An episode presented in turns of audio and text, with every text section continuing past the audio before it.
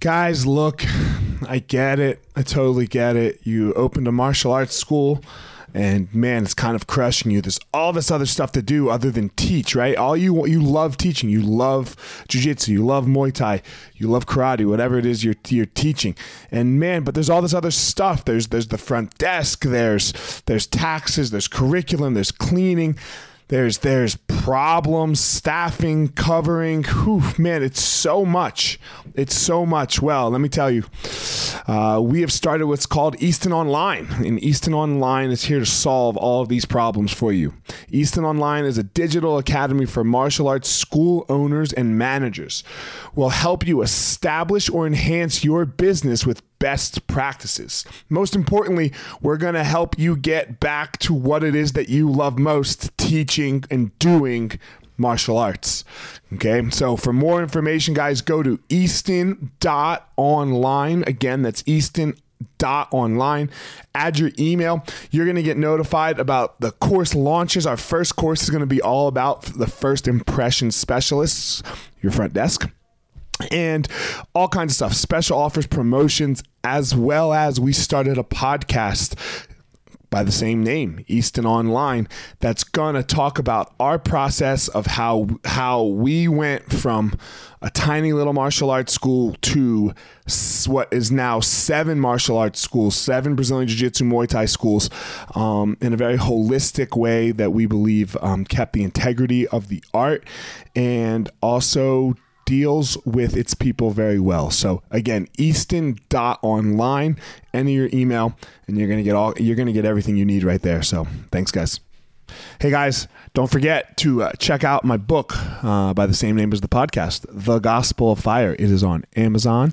Um, so just go on amazon.com the Gospel of Fire, or you can just simply search my name as well, Eliot Marshall, and it will pop up. You can buy the Kindle version or the paperback version. I appreciate the support, and it just kind of goes up in about my life a little bit as a as a, a memoir ish to self help ish type book. But uh, check it out. Leave a review if you so choose, and you find it helpful or unhelpful, either way. So, Amazon.com back uh, and then search the Gospel of Fire. Guys, the podcast is also brought to you by Onnit, O N N I T, Human Optimization Company. Again, code word Eliot is the code word for your order on Onnit. You will receive 10% off. Again, O N N I T all kinds of stuff for human optimization. They have supplements. Um, man, they have the total human. They have all kinds of stuff. Alpha Brain. I love me some Alpha Brain every once in a while. And I know I got to sit down, get some work done. The brain just kicks in a little bit. I've uh, I've enjoyed using the Shroom Tech Sport. It gives that little extra boost when I'm when I'm getting ready to go do a workout. So again, O N N I T code word Eliot, and you will receive 10% off your order. Guys, this podcast is being brought to you by Evo Labs. Evo Labs is a cannabis company who uh, has some of the best CBD products on the market. I really enjoy all uh, their CBD products. They have an intense salve that is my favorite product, where um, deals with muscle soreness. You rub it uh, on your muscles. You rub it, you know rub it on your body after a shower, and uh, man, really helps relieve the soreness. The other CBD products, um, all kinds of different ones um, that you can intake or use, some for sleeping, some for stress and anxiety. Anyway, evolabs.com. Go check them out. And you type in the code word fire and you will receive 10% off your order. evolabs.com. Ever have sore, beat up fingers after jujitsu? We all have, right? Ever wish there was a better way to ice them down than sticking your fingers in a cup of ice water? Well, now there is Penguin Fingers. Invented by a Jiu Jitsu black belt, Penguin Fingers remove the soreness from your fingers or your toes in just minutes, allowing you to train harder and longer with less damage to your digits. Chronic inflammation is like sand in your joints. Training day, day in and day out with sore, irritated fingers can leave them arthritic and knobby. Penguin Fingers can stop all of that before it ever starts. Penguin Fingers non toxic, reusable individual finger ice packs come in boxes of one, two, or four soft gel sleeves. Simply keep them in your freezer and roll them out onto sore fingers or toes as they are needed. Available on Amazon or at penguinfingers.com. Fingers are life tools. Protect them. Use code 10 the fire and you will receive 10% off at checkout. Again, 10 the fire for 10% off at checkout at penguinfingers.com.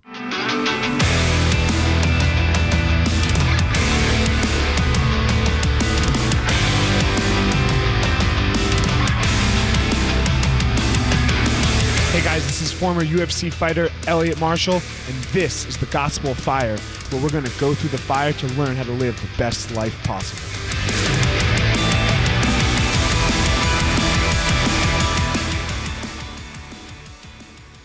What up, everybody? Back for another episode of the Gospel of Fire. I've been doing these uh, people that I don't know recently, and now I'm going to do someone that I know really, really well. Uh, I credit him and one other person, Mike. I guess I'll do Mike at 1.2, Ian, uh, and and your brother Wilf with like uh, I don't know, saving my life a little bit. So, what up, Ian? How are you? I'm doing really well, man. How are you? Thanks I'm for having me. Yeah, of course, man. Thanks for thanks for having thanks for coming on. Yeah. Day after Thanksgiving, you know. Uh, Mhm. I don't. It's not going to come out next week. It's probably going to come out the week after. But we'll talk. You know, who cares? Yeah. Right on. Um, man, so let's just get into what I was just talking about. I know you probably disagree, Hmm. you know, uh, but you, you, Mike, and Will saved my life. Uh, you stayed up with me for nights when it just wasn't going that well. Like it, uh, more than not well, it was going really awfully. Um, so yeah, what was that time? What was that time like for you guys? Because I'm sure you you talked about it without me. You know, what was that? What, what what was going on? yeah. Well, first, I always say I was. Uh, yeah, I'm always empathetic to this, and I was super. You know, I was really bummed out, and uh, that you were going through it. Um, I know what it's like. Uh, and I'm sure you've talked about this a bunch on this podcast about insomnia. And I not being able to haven't. I haven't. No, I haven't talked about it a bunch, and I haven't talked about uh, like your end of it. Like, Yeah. talked, like Alex's end of it. Like Alex came on, right, and like it was his suffering. You Mhm. know, and everyone knows that I've suffered, but you guys, you guys like took the time to deal with my suffering and what you know. And man, that that like you guys were you guys also looked up to me. I was your boss. I was a lot of things. So what was that? You know. Yeah. Well, first of all, um, I, yes, I don't agree. I, I mean, it's like to say like we saved your life. I mean, like the that no, we were, we were there for you, and we and we always will be. You know, and I think it's good to have friends like that. I think uh, one thing that would would help just under so the listeners understand where I'm coming from is my own experience with with this stuff really helps.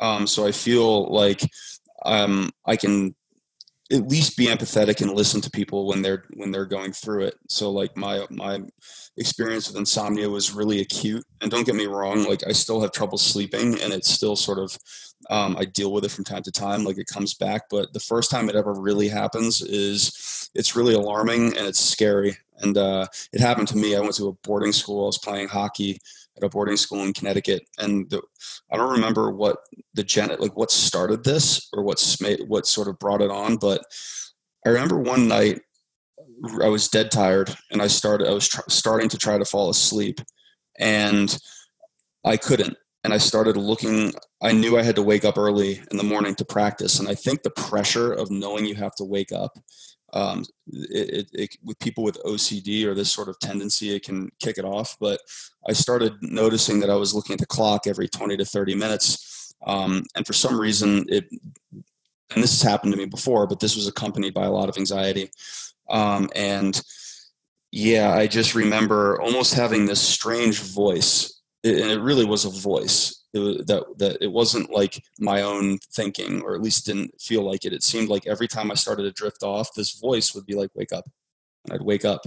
So i what started to happen is um, for the, about five five or six days i didn't sleep at all. Like there was no sleep. And i remember everything like when the when the sun would start coming up um, i'd see people getting up and getting ready for class and i started to feel like i was losing my grip on reality and around 2 p.m every day I would start the the ang- the anxiety would start to like boil over because I was just fearing the night coming again because the I anxiety of having time trying to go to sleep.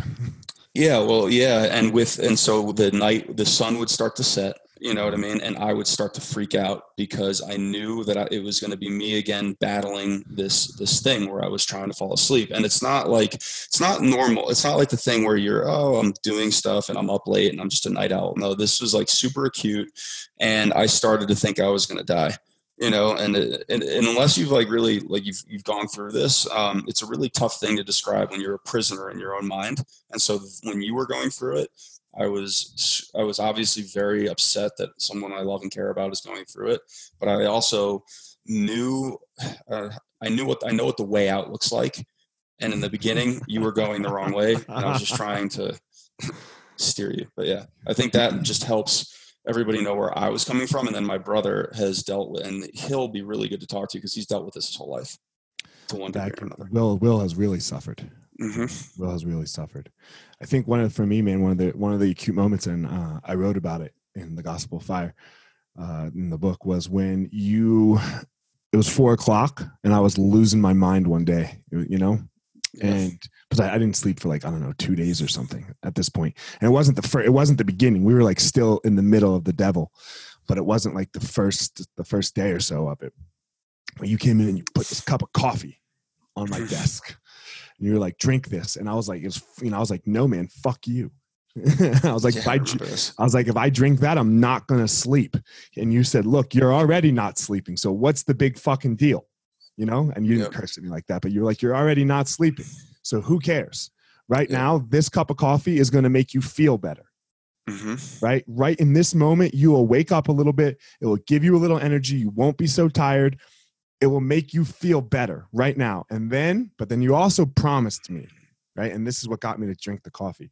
You promised me, you said, hey, look, man, at 11 o'clock, when you're not sleeping, we'll be on the phone yeah and my, my thinking there and like this is the problem um, and i love i think if you've never talked about what you dealt with i think you should talk about that because i think it's super instructive for people to hear because um, yeah like i think is i think i would imagine a lot of people who listen to this podcast probably do jiu-jitsu they probably mm-hmm. do martial arts and for whatever reason i think um, this is one of the things in jiu-jitsu like uh, a lot of people probably battle with this it's ocd you know? right yeah I, yeah, exactly. And I think um, I just think jujitsu and martial arts in general tend to attract people, um, you know, who are dealing with whatever other struggle it is in their life. And I think this is one that a lot of people do deal with.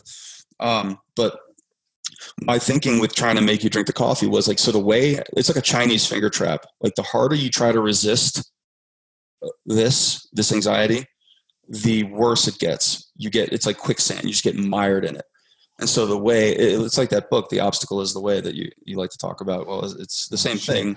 yeah. I think I like this fucking book so much. yeah. It's because the way through it, you know, or the, the way to get through the anxiety is to just almost welcome it. And it's, it's that, but see, that's, that's the trick because your anxiety won't let you. And so all I was trying to do was say, Hey, look, you're not going to sleep and that's cool. Right. It was almost like try to stay awake. Do drink a five hour energy drink right before you go to, go to bed.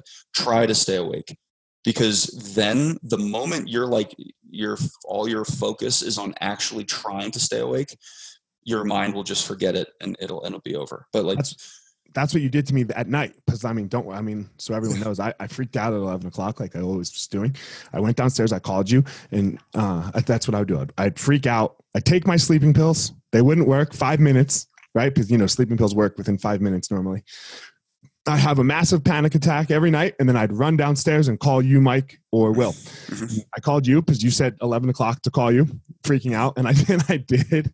And then you're like, okay, you calmed me down, and then you're like, look, this is what you're going to do. You're going to put on a TV show, uh, a movie, actually. You said, and just watch and watch it. Like you're not allowed to not watch it. Just sit up. Like I, you, I wasn't allowed to lay down. You know, you were like, sit up and watch the fucking movie. In a half an hour, call me back. And I said, okay, all right, I'll talk to you in a half an hour. And we didn't see a half an hour. We saw seven in the morning. Yeah. Yep. Um, it's funny because it's like we were just I think um, and when you speak to Will, like you'll get into this more, but since he's been dealing with this since he was around 14, was I think his first episode. Um, we spent, I remember when it first happened, uh, we spent almost six months trying to run from it, and it was getting worse and worse and worse. And then finally, one day, I was just like, you know what, man, like maybe whatever it is you're worried about is true. Maybe it is. I was so sick of, you know, tired of hearing about it. And I remember, we're kids, so I wasn't as empathetic. I didn't really understand. And we sort of stumbled into this, and I think it's, it's just cognitive behavioral therapy Right. right it's like you expose yourself to what you're afraid of and and for some reason um, and you accept what you're afraid of is true and then for some reason like after i mean your brain will still wrap itself around it but ultimately it just lets go and uh, it's a weird it's when it does it's a very strange thing it's, you know you just you just fall asleep Yeah, it's stupid, right? yeah but it's like yeah it's when you're in the middle of it man like you know it is it's It's awful hell. It's hell. You you you can't. I call it the you know I call it the devil.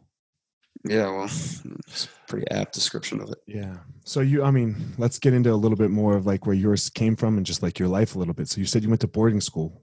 What did Mhm. you? Um, hockey, right?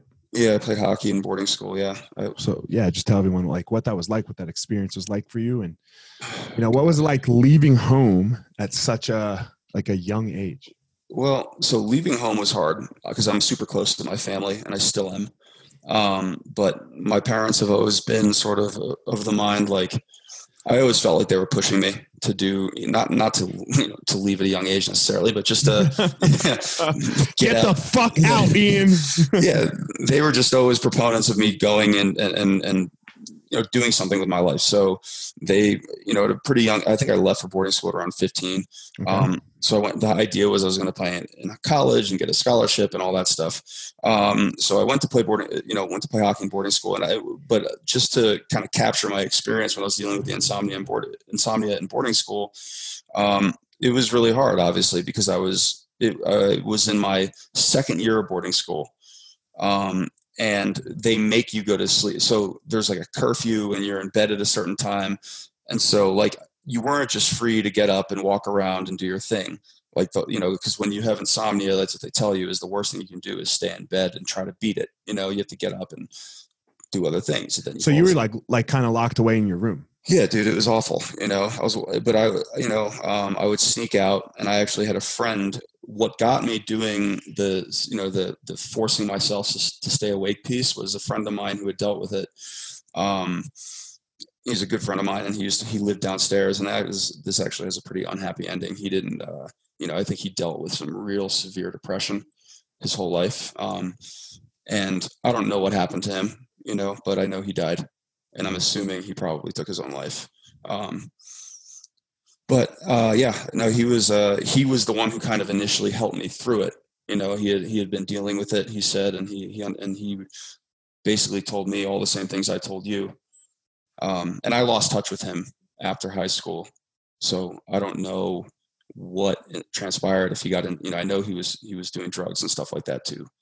Right. Um, so I'm assuming that played a part in it because you know if you're dealing with this stuff and you're like self-medicating and you're you know whatever even I think smoking weed when you when you're dealing with this kind of stuff it's it uh, exacerbates it exacerbates it. Um, it certainly did for him. You know I know it does for a lot of people, but yeah I don't know. My experience in general was was it was rough, dude, because I didn't have my family. I didn't really feel like I had people to fall back on. Um, it was it was a tough time. All all all of it, all of high school, you didn't enjoy it. Well, I hate so I actually loved boarding school. It was interesting because it was an all guys boarding school. Okay. Um, and it was so you didn't really have the pressure. Like I always felt like I didn't fit in uh, when I was in my regular high, public high school and public public education.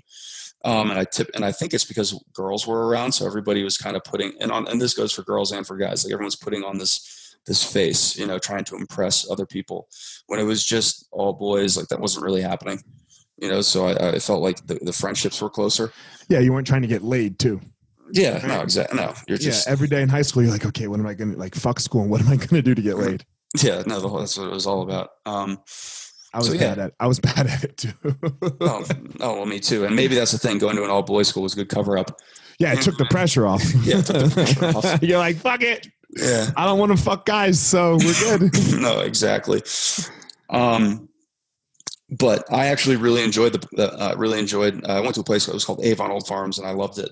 Um, it was a, a, like a very formative experience for me. But that particular part of it, again, it was like your first foray into an anxiety uh, or into an OCD episode is harrowing you know and it's again like I, I really can't describe being locked in your own mind. Like that especially when you don't know it's happening right? Like i think that's the other part of it. When you're just like what the fuck is going on? You know it's it's uh it's rough you know there there seem to be there's like no way out It's uh, yeah, like the when your when your mind has you, it's like it's it's not over. It doesn't have to be over, but it is so fucking hard. Yeah, and that's why you always talk about this, like seeing a th- and like this is the thing, like seeing a therapist.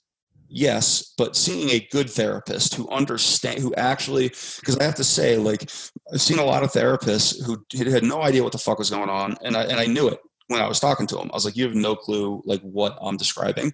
Um, and then I ultimately met one who, who who really did, and she she was the one who got me, you know, and my brother. Frankly, like she she helped my brother first, and she was doing like the CBT, cognitive behavioral therapy, really giving you tools to cope with what you're dealing with. And now when you know when I start to have an episode, or if I know if my brother starts to happen to have an episode, I have all these different tools that I can use to start to get to deal with it, cope with it, and and manage it. Before that, it was just like the It wild just west. went away. No, it just went away somehow, right? Like your brain, like like you said it best. Your brain gets tired of it, and then you uh and then it just kind of dissipates. Is how I is how because I like this wasn't my first go at it. Yeah.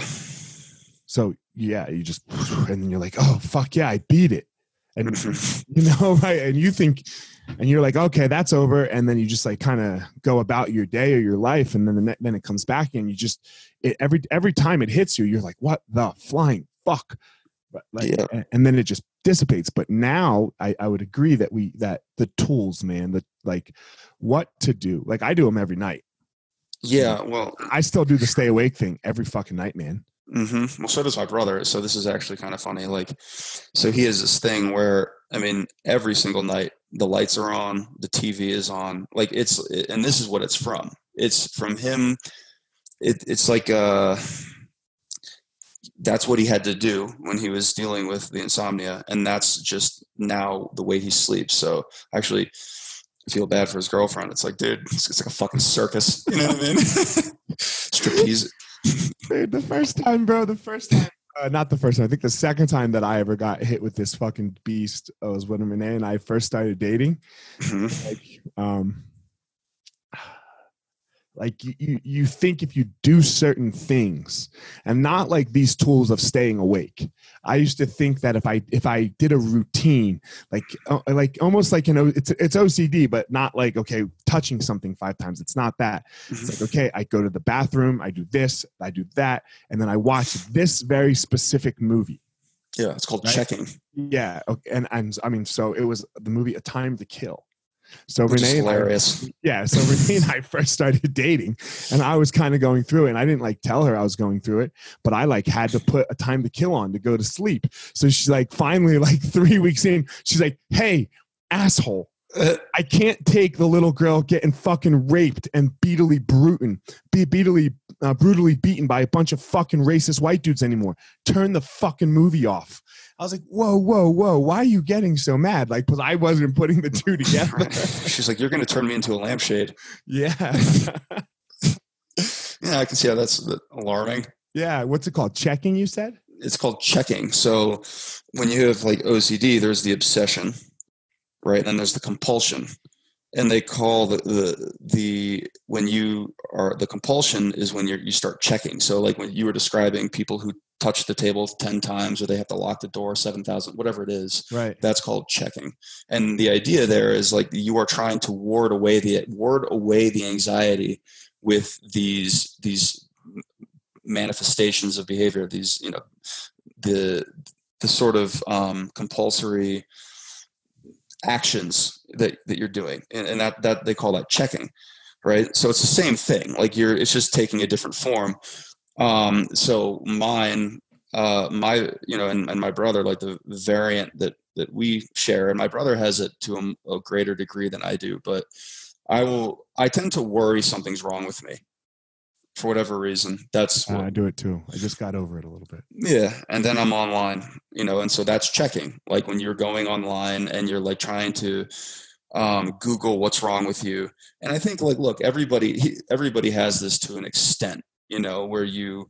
But the here's the difference between the person with OCD and uh, this is like a, a really good way to put it.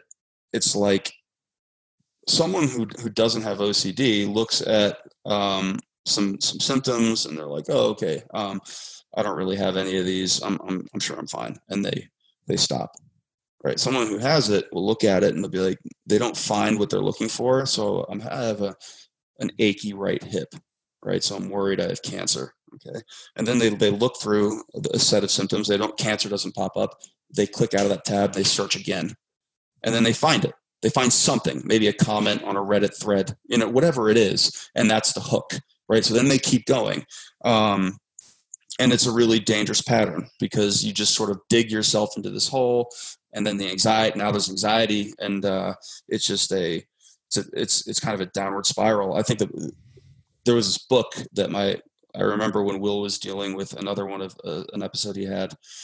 Um, he was pretty deep in it and and the other the other thing is you, you tend to worry about things that you can't be that can't be disproven right this is the other trick so whatever that is like you can't really disprove it um, so you can continue to worry about it um, but the there was like a thought experiment in this book and i have to find the name of it because it's if you do have ocd it's the I, you have to read it I think I have it downstairs.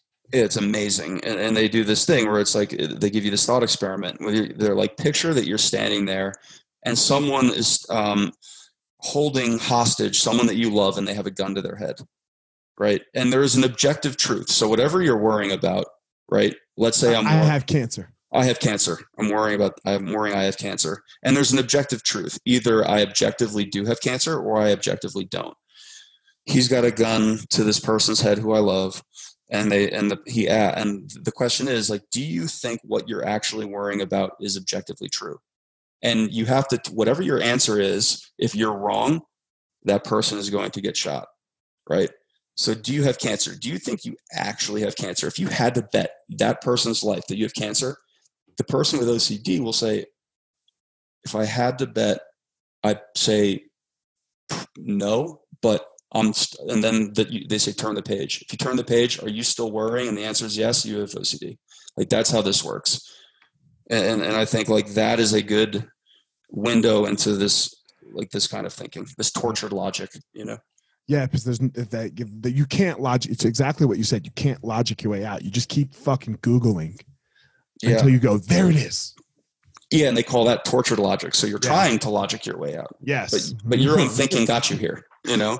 I mean, I ended up on Michael Jackson and uh, Heath Ledger, who Yeah, I who- remember. who- well, they OD'd on fucking pain and sleeping pills Mhm. because they couldn't sleep, right? But we're talking a bunch of other problems, not not insomnia, Yeah, well, that that's where it took you, you know. right? But the, the the cause of their death was sleeping pills. Yeah, So I was like, okay, uh, oh god, no, okay, that that's not right. Okay, that's not what I'm looking for. What happens when you really can't sleep? No, what happens when you really, really can't? s- No, when you really, really, really can't sleep, and like, how much benzos can you take? And blah, blah, blah. and then there it is. I'm yeah, that's exactly that's what I was gonna say too. Like that's where it takes you, right? Because now the the crutch that you have to not sleep, or to or to the crutch that you were been depending on to get to sleep, is now dangerous. It's not So dangerous. now there's more anxiety, you know. yeah, I was addicted. In, two days, I was now addicted to benzos, Yeah, like physically addicted to benzos. I was like, I'm Mhm. fucked. I'm fucked, Ian. yeah. I was like, Right. it's funny. It's like whenever you would call me or call Will and be like, "All right, here, I'm I'm gonna have a good night. I got my I'm all set up. You know, I got my sleeping pills ready to go. I got my sleeping drink. I got I'm gonna be in bed." I was like, "He's fucked." Like, Will we get off the phone and be like, "This is not gonna like." Th- it's it's so much worse when you when you've planned it out how you're gonna be successful. yeah, It's like, no, man, you're not gonna sleep and you're gonna stay up all night and you're gonna be okay with it. yeah. that I'm uh I can so I've I've gone through a couple people like Dana when Dana was in the middle of it. Um she called me and she told me she had the answer. Like she slept one night. And I, I remember that thought. I was like, oh God, she's I remember this. There's was like- sugar. yeah, yeah. For me, it was sugar one night, right? Like one night, I. yeah. I was like, no. but she did it to me. Like so, after I was through it a little bit, you know, and then she's doing it, uh, and she's like, uh, uh, whatever she thought she she did to conquer the beast, you know, Yeah. The night before. And I was like, oh man, I was like, uh, we're gonna talk tomorrow, and she is fucking completely hosed. Yeah. It's it's so it's always so much worse when they think they have the answer, and then it just storms back. Because it's worse because your answer didn't work. You just got shot down. You just Yeah. got to, you know. Yeah. So Yeah, man.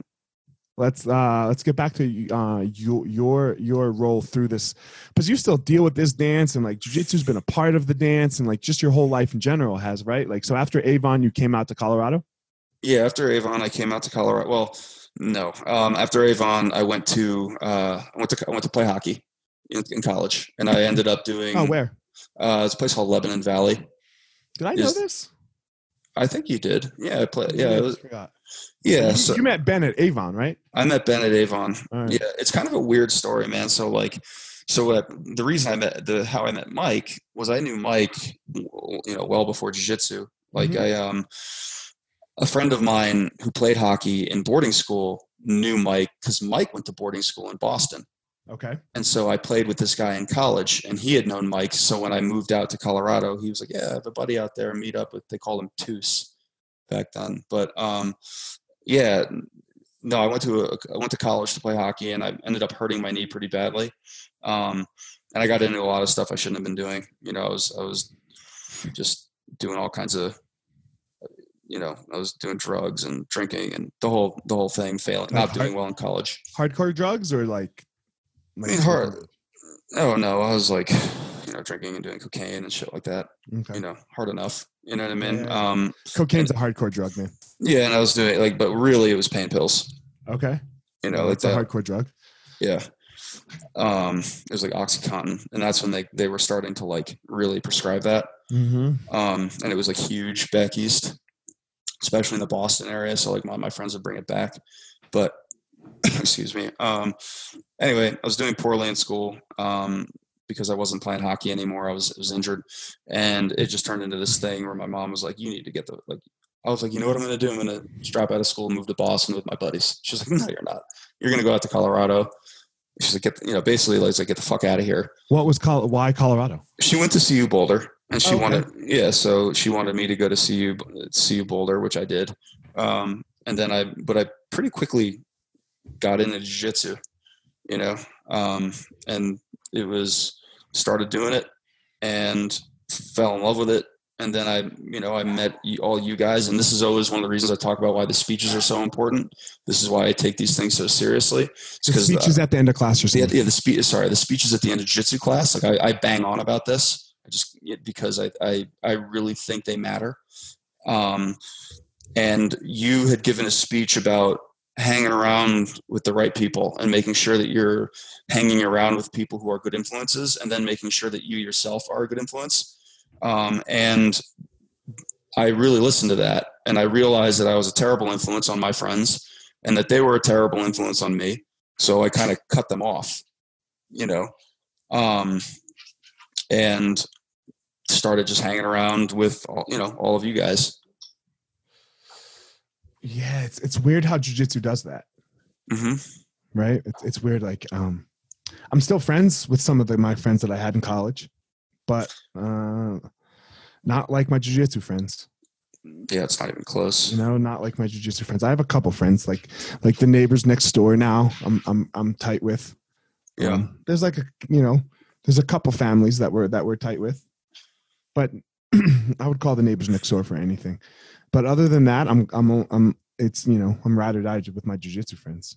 So what uh it, it became four of you right like that like your crew is like you james mike and carlson yeah, carlson was a little younger though was carlson part of you guys' like little little thing right away or pretty quickly. I would say, yeah, it's kind of. He was like 16 when we first met him. We were so we were considerably older. But once he was, I would say when he was like 20, and we all got like, so we were all pretty serious. But I would say when we got our purple belts, like it got we we that's all we did. I mean, we did nothing else, you know. And so Brian was just part of that because he got good when he was like 18. Yeah, You know, so- trained since he was 12. Yeah, so we were all training all the time. Right. So I would say, yeah, he was definitely part of it. You know, my brother would train with us too. Like Will was pretty, you know, um, Will Will hurt his behind you, but he hurt his back, right? hurt his back, yeah, which is a bummer because he was probably he's always been more athletic than I, than I am, Right. but he just uh, yeah hurt his back. But um, yeah, we were all training, and then Ben Williams was a one stripe white belt and was better than all of us. Knew everything. Knew everything. Dude, I got to tell the Ben Williams story. So I barely met him, right? I knew he was a one stripe. I mean, I knew he was a fucking white belt. And I'm teaching class one day, and Nick Klein's in the office, and he walks in and he's like, Yo, yo, I'm about to have a fucking seizure. And I'm like, okay. And I didn't know that he had uh, a seizure disorder.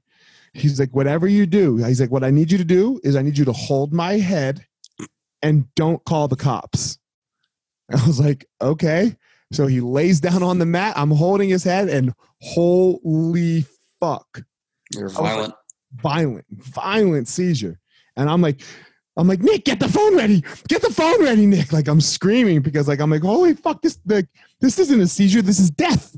yeah, You know? And then a minute later, he sits up, takes a deep breath, and goes, Sorry, man, thanks. Did you call the cops? And I was like, No. He goes, He's like, All right, good, I'm out. I'm like, You're out? Like what like you're gonna die now? He's like, No, man, I'm good. It's over. He's like, I'm just gonna go back to what I was doing. I mean, he walks out the school. Man, so Ben, like, uh, and for everybody on this podcast, like, he's a friend of mine from boarding school that we alluded to earlier, but now he's friends with, it seems like everyone I know. You know what I mean? And like, like, like, just as good as friends with everyone I know. So he's like one of the most social and outgoing people I've ever met in my life. Yeah. And he's also like the one of the most rem- like remarkable people. Like he, uh, man, for his resilience, I don't think I've known anyone in my entire life as resilient as Ben. Like, uh, and what I mean by that is just the str- how he he sort of takes life in stride. It's it's like amazing to witness. I remember when he was having these seizures, and I think he's actually been doing much better. But man, there was Yeah. a long time where we were really worried about him because it wasn't like a, you know like you're describing. It wasn't like a thing where he was having a seizure, a, a petit mal every now and then. And don't get me wrong, that's serious. But it was like a grand mal, like he's on the ground shaking, um, like it was you know clenched. It was super violent scary to watch and he started to forget people i don't know if you remember this but like he was forgetting his memory was going and he was like forgetting uh people who he knew like, who, fairly well you know like i remember I don't Uh, I didn't know this. Oh yeah, it was really scary. There was a um a friend of mine who worked at the front desk who was uh, also a friend, a mutual friend of Ben's. You know, and, and to the point where like we'd all been out together several times, and Ben came in. At the jiu-jitsu school front desk? Oh, no, sorry. This is when I worked the front. This is at the St. Julien. I'm confusing people. Yeah, when I was at the hotel, I worked at a hotel for ten years before I. It's a, it's a hotel in Boulder before I started to uh, work full time at Easton. Um, and there was, you know, a girl at the front desk who was kind of a mutual friend. And I remember one day she, I had mentioned, you know, the day before we were all going to go see a movie together, and then the next day. He remembered we were seeing the movie, and I was like, "Cool, man. We're gonna. I'll just, you know, go get Kendra." And he was like, "Who?"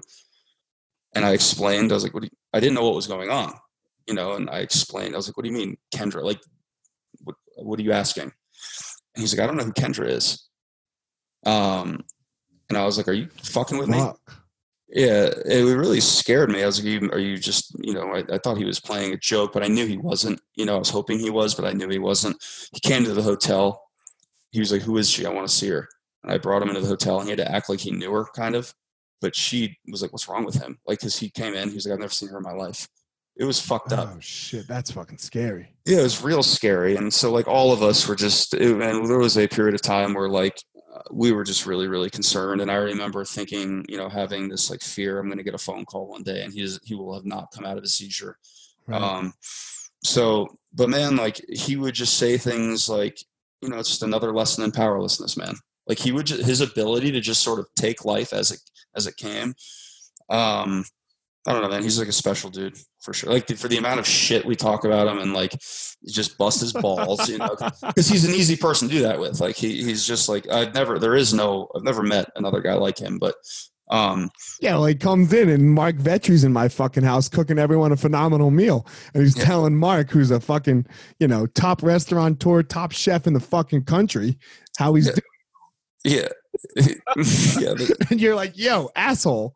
yeah. He just uh, he thinks he knows everything, you know. But he's the one. He, and maybe everybody knows someone like this, but like he's just one of the most social and outgoing people. Like I can't go anywhere in public without people knowing who he is. Right. um, and it, you know but yeah no I, I- think just sort of uh, back to the conversation we were having about ocd and anxiety it's like but see this is the thing he he's accepts the it opposite. Yeah. he accepts it you know and that and that's that's all we can do you know like and and he was like he just embodies that yeah. that acceptance you know I have this coin in my car.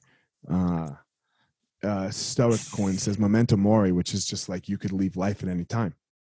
yeah you know and I, I just try to look at that every day try to make sure that i'm i'm aware that that is a, a super keen thing in on on my mind not on my mind that that i know it because i think a lot of times we just go through life as though tomorrow's coming it's going to be pretty similar to today right yeah but it's you know and sam harris says it man we are we are and i know this drives you crazy this this is what you really get scared of we are a phone call away Mhm. from you know or a doctor's visit away i think he says of a life-changing moment Yeah. No, it's this. I, I spend a lot of time thinking about this, but I, I think there's like a difference. I think what you're, you don't dwell on it. You know, there's a way to be morbid and to dwell on it, but there's also, this is what, you know, gives you like a window into enjoying life. Like really under the, the, the real, un, like the real understanding and the genuine understanding that this is all super temporary and can be over. And it not only like, look, even if we live until we're 85 years old, there's just not like life just isn't that long. that day's coming for us the phone call or doctor's appointment away Yeah, and, this is coming for us there's no there's no escaping that no, exactly. Like so, there's this. I, I don't have it up right now. I, I go through. The, I take it up and I, I swivel the camera to it, but I like I take it up and I put it down. I take it up, but there's this. Uh, it's it's a Tim Urban blog. It's called Wait But Why, and I actually talked about this. called? Wait But Why? wake but why okay Uh, no, wait, as in like I'm waiting around. wait wait Yeah, okay wait, but why?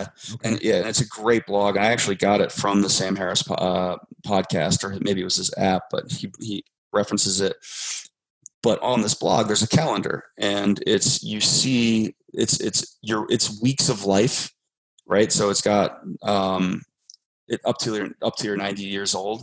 It's got like you know every dot represents a week every little and you can like check it off and you look at it and it's pretty it's scary because you realize that even if you live until you're 90 years old like man like one week is a significant portion of our life you know and when you look at it like that you can put your finger on the week you're on you know and it, the you just realize there's even if you live to 90 it's not that long right? So even if we assume that we're both going to live to 90 and in fairness like that's probably not a safe assumption. Um, life is short and it can be a lot shorter. I mean it could end tomorrow. That's it's it's you know the one thing he said that i liked is like we're all playing this game and none of us can see the clock. And uh, i think when you really understand that it allows you to live life a little bit more fully. Yeah it gave me for me my anxiety gave me some freedom. Mm. you know it, it, um, it made me realize that this shit can suck. This shit can really suck. So how i, I better uh and and that that devil can come back at any point. But i took that in a way that that made me go you know what? I'm gonna fucking charge. This is gonna be this is gonna be amazing. I'm gonna live and and i was it wasn't like i had a shitty life before but i'm gonna lead live an even better life now yeah yeah man So yeah, I mean, and Ben, I think Ben embodies that because I think he feels, uh, getting you know, tying it back into Ben there. He feels like, like these seizures. He knows one of them could probably kill him, yeah right? He knows one of them could probably end his fucking life. So he he has two choices: he can get busy living or he can get busy dying. Yep. I think he, I think he would totally agree with that. And, And I don't- gets, go ahead. Sorry. No, sorry. So, and I was gonna say, and like you know, he's he's been sober for a long time too. So Ben has like brushed with mortality, yeah, several times. Um, have you? Has he been on this podcast? No, I just, he, I think I'm going to call him. Yeah, he's great. Like he, yeah, he's just he's a really unique person with like a unique experience. But um, no, yeah, he he's definitely. I think he really does embody this acceptance, and he's like a ha- genuinely happy person. Yeah, You know. sure. And, and and Will and I have talked about that, man, because we're like, here we are, like we don't have a seizure disorder, you know. I like, but I can't stop worrying, and I look over at Ben, who's like legitimately struggling, Yeah. Yeah. and just yeah. and he's happy, He's you happy. know. Yeah. And so, yeah, it's like, Just got, your station in life has nothing to do with your happiness. Yeah, it doesn't seem to, or it certainly isn't the only. It doesn't have to. Yeah, right? It doesn't have to. For a lot of people, I think it does, but it doesn't have to. You can get away from the station. yeah. I mean, look, like you could look at Anthony, you know, like people like Anthony Bourdain, who's who appear to have everything on paper, and His station, yeah, his station was high. don't. And then there's other people who are, you know, in poverty and have very seem to have very little of the things that we tend to want. Want.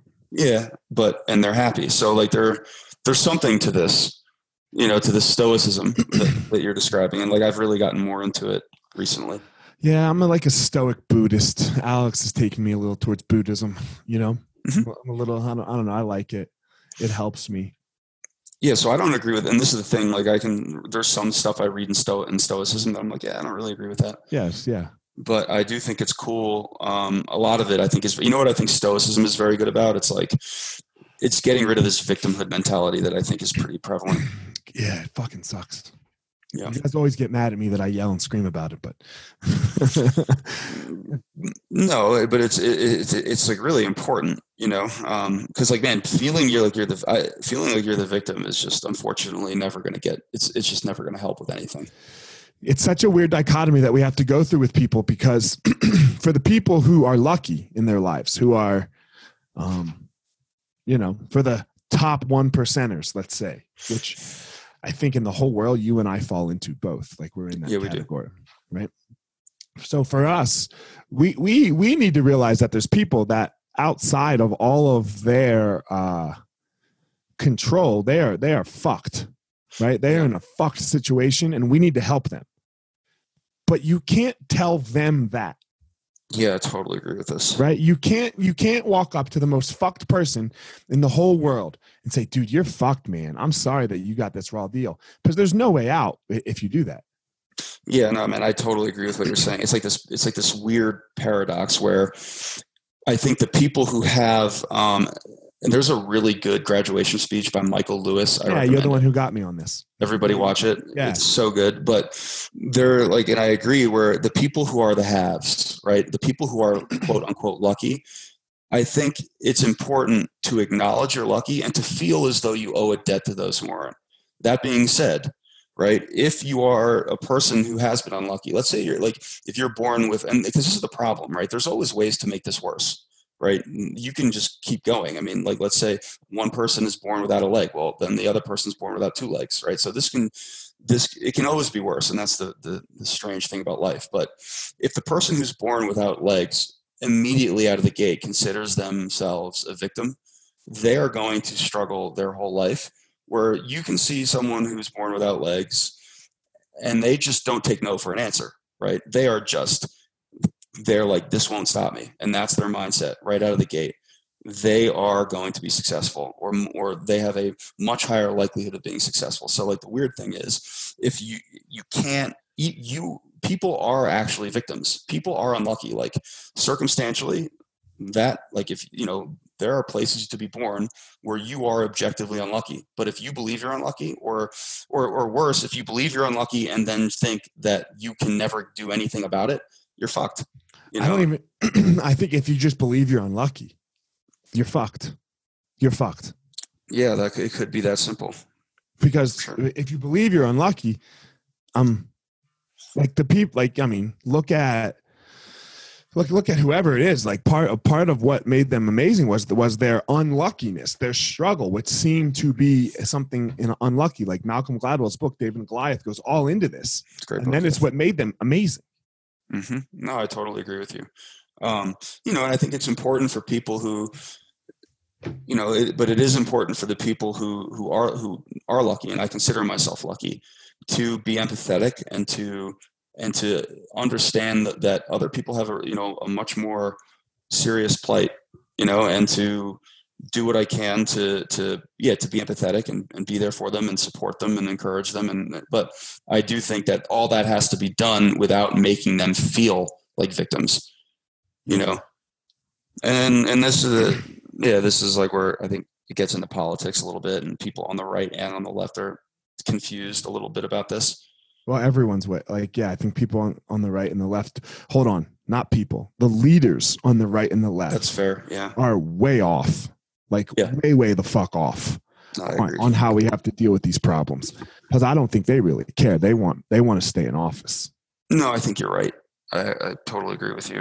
Um, Yeah. And I think it's easy to to sort of put people on either like on one end you have people who you know this is the problem. Like a lot of successful people feel that they really you know maybe they i'm sure they did work hard you know but they feel like they put so much you know elbow grease and they spent their life working towards what they what they have. And so when they hear someone tell them that like hey man like you're just lucky they resent it and they get emotional about it.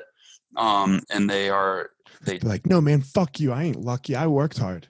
Right. And it's like both things can be true, right? Like I look I mean, this is that whole free will argument. It's like even the drive, right? Even the where does that come from? You know, like people's drive to be to to work hard. That is I would argue like having being driven and resilient is the most important or certainly one of the most important attributes to have. And there's a serious argument to be made. In fact, I don't think there is another argument that can be made to, to go against it. That that's that's also luck. You know, you didn't pick your parents. yeah The whole, the whole thing.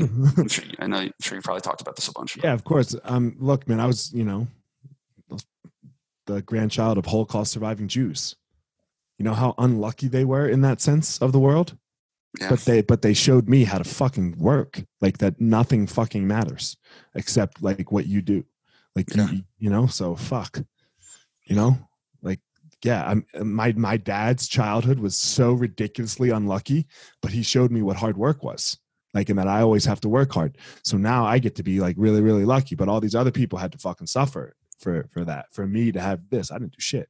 I was born.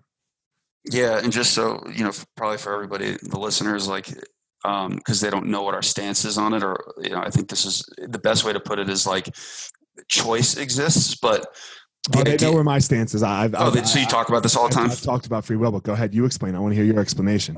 Oh well, and it's not mine. I'm not because this is again like we've talked dropped Sam Mhm. Harris's name a bunch, but he's like uh, an intellectual that I like listen to a lot, and philosophically, he's been very influential in my thinking. But Me too. th- the premise is that there's a, like an ocean of prior causes. Um, neuro, like we didn't pick our parents. It could be as simple as what we ate. It's just that basically what he's basically saying, and he's a neurologist, that everything is neurological. So, and, and you are not responsible for what is happening neurologically. So, even the thoughts that you're having right now, if you pay attention, you're not really their author. They just sort of, you know, percolate and appear in consciousness, um, and you don't really have control over them. And and this is all from, yeah. There's just so many different. Uh, there's so many prior causes that we have no control over that lead to every action and every thought that we do.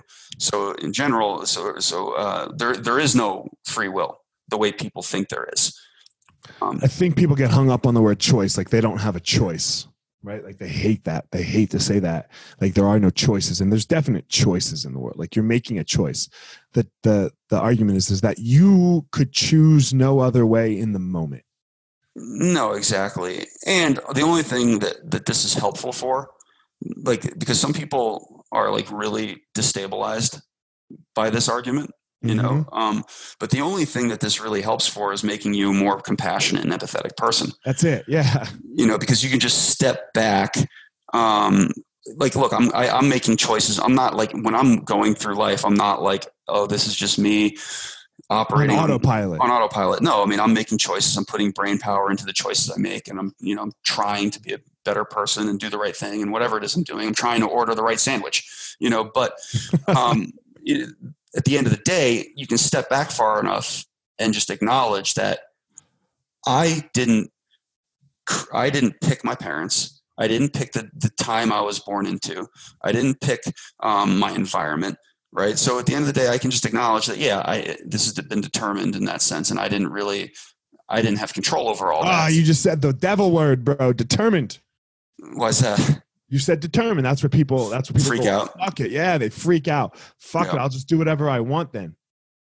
Right, and it's like what's funny is like you can't avoid this. Like this is not a this this cage that we're talking. You can't avoid it. So you can you can if you try to lay in bed all morning and you just for days trying to not get out, out of bed trying to beat this free will argument, you are still you you know you didn't choose the fact that you had to hear this podcast like or, or that or that you didn't know we were going to start talking about this no clue. right? Exactly. and now you're No hearing it clue. and Go ahead. Lay in bed all day, right? Go ahead. And Yeah. you're gonna now do that because you and I are talking about it. yeah Fucking choose that asshole. yeah so it, but it's like uh it's interesting because the only the way it makes you more compassionate is because you can then look at the choices that someone else is making and acknowledge that if you were to trade every atom you know in your body for every atom in theirs you would be them and you'd be making the same choices.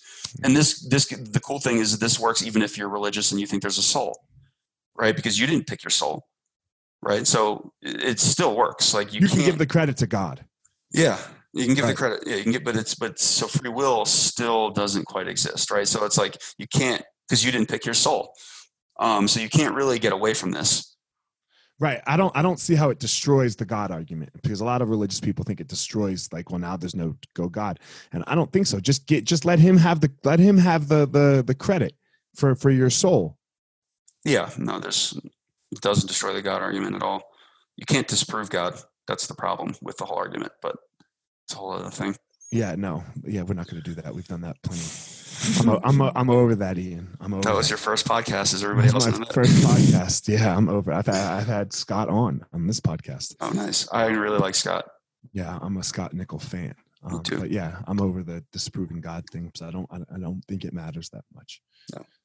But all of this stuff that you, I think that you've been talking about, like the Stoicism and the Buddhism, and like you know, I love talking to Alex about this stuff too. He's amazing. Mhm, But all of this mhm. stuff is really just help to if you really, if you think, you know, even the the free will thing, it just it helps you live a better life, you know, and it's and that's what I like about it. Like, um, I feel like philosophy is just the art of learning how to live. Yeah. Yeah, You you have and, and you keep learning. You you keep like diving back in to um it doesn't it doesn't let you out of of the rabbit I would let's just call it a rabbit hole of learning. So I, I I'm well, I'm just stuck in it forever now. I hope. Yeah, I think you, I, I hope so too. You know, like I hope I always continue trying to learn. But I, I you know I think where it takes you is you like you love to learn all of these different things. Like I don't like to just learn philosophy. I like I'm way back into learning jujitsu. Like I'm fucking watching hours of DVDs. I like learning how to do podcasts better and Google ads and and all this shit that like and, and video editing and blah blah blah. But it it just got me back into learning whatever it is. No, man, totally. I actually just got back into writing a little bit. You know, I've been like writing this like little blog, and it's uh, Oh, at first, cool. yeah, at first. Well, I mean, let me actually let me fix that sentence. I was never into writing, so to say I want to get, I'm getting back into it is is false. Um, I've never writ, I've never been a writer. I've never really enjoyed it. But Brian Carlson, you know, the guy who I, we were referencing earlier, one of the four who I got my black Mhm. belt with, um, you know, he's been helping me, and he just sort of was like, write what you're passionate about. So I've been doing that, and like everything, it's been really enjoyable. It's like a really good outlet um, that I, I can't believe I've never really utilized before. But I, I, I like writing a lot about philosophy. So are you are you writing about philosophy? Sort of, yeah. Like I'm writing about dogs. You know what Okay. I mean? But um, I think philosophy and dogs like are really can go hand in hand in a lot of ways. Um, and I just wrote one about a dog, like a an experience I had where a, a dog died when I was a kid. Okay. You know, when my my dog, like I, or it was our family's dog, but like I, you know, it would be like Canaan and Buster. Like I'm sure Kane considers you know Buster his dog. Um, and so when they die, like I just kind of talked about how they give you all this happiness, all these great experiences, but they also give you your first encounter with death, and that can be a really good teacher. And I really enjoyed writing it. You know, I'll be honest, like it was really like cathartic, and I felt pretty when I was writing it, like oddly emotional. Like I don't really cry a ton, or like really rarely, ever. Just and I don't know, I just I just don't, you know, really. Um, I feel like I want to a lot, but um, man, it, I, yeah, it doesn't happen. Yeah, and I feel like it's taking time off my life. Actually, I'm noticing. I, I start to feel like uh, even when I was writing this blog, I like I, I felt like I had chest pain. you know, I should probably look into that, but um, but uh, no, it's it's it's been fun. But it just kind of goes to what you're saying. Like I've really, I feel like been enjoying sort of getting back into educating myself and writing. Yeah, and, fuck yeah, that's cool. I didn't know. I didn't know you were writing. It's yeah, cool well, sometimes. Like we don't just get to sit down and talk. No, I know this is actually really fun. Yeah, it's fun. It's fun. I, I really like every time I do it with somebody that I know. It like I don't know, like the beginning sometimes for me can be a little weird because I'm like, God, fuck, what are we what are we going to talk about? Because we've talked about so much in our yeah. life. Like, so where do we go with it? And yeah, it goes somewhere interesting. So that you know, but um, I think that's about it, man. I appreciate cool. you coming on. Yeah, this is what we talk about usually. Like I, I feel like this is like very, you know, this is a very average conversation for us. But yeah, but when you're trying to have a conversation, it's like when you're trying to sleep, it doesn't go very well sometimes. Yeah, for sure. It, that, it cannot go well. I hear you. Right? No, but this is great, man. I appreciate you having me on. It's yeah. always fun. Thanks. I appreciate you coming on. I'll see you. Uh, are you coming in the school later? Yeah, I'm going to be there at three. All right, at three, I'll be there. All right, cool, man. right, man. I'll see you later. All right, guys, go out, uh, find your power. Have a good day, everyone. All right, guys, thanks for listening to this episode of The Gospel Fire. Don't forget to check me out on all of my social media at Fire Marshal 205. Again, at Fire Marshal 205. Go to my YouTube channel um, Fire Marshal 01, that is, for YouTube, where you can follow. I'm, I'm, making these videos 100K strong. That's the goal for the year. I want 100,000 strong listeners to the Gospel of Fire. So I'm making, trying to make a video a week so that you guys can follow along on my journey of, of how I go about my day, some things that I talk about, some things that I try to work on for myself. And then finally, don't forget my website, eliotmarshall.com, where you can get up to date with everything that has to do with me personally, the Gospel of Fire. You're going to find all about my book release um, also called The Gospel of Fire, February 12th. It will be for sale on Amazon that whole week for 99 cents. So, all that information at eliotmarshall.com. Thanks again for listening. Thanks to my sponsors, Evo Labs and Onnit. So, uh, that's it, guys. Hope you enjoyed the episode.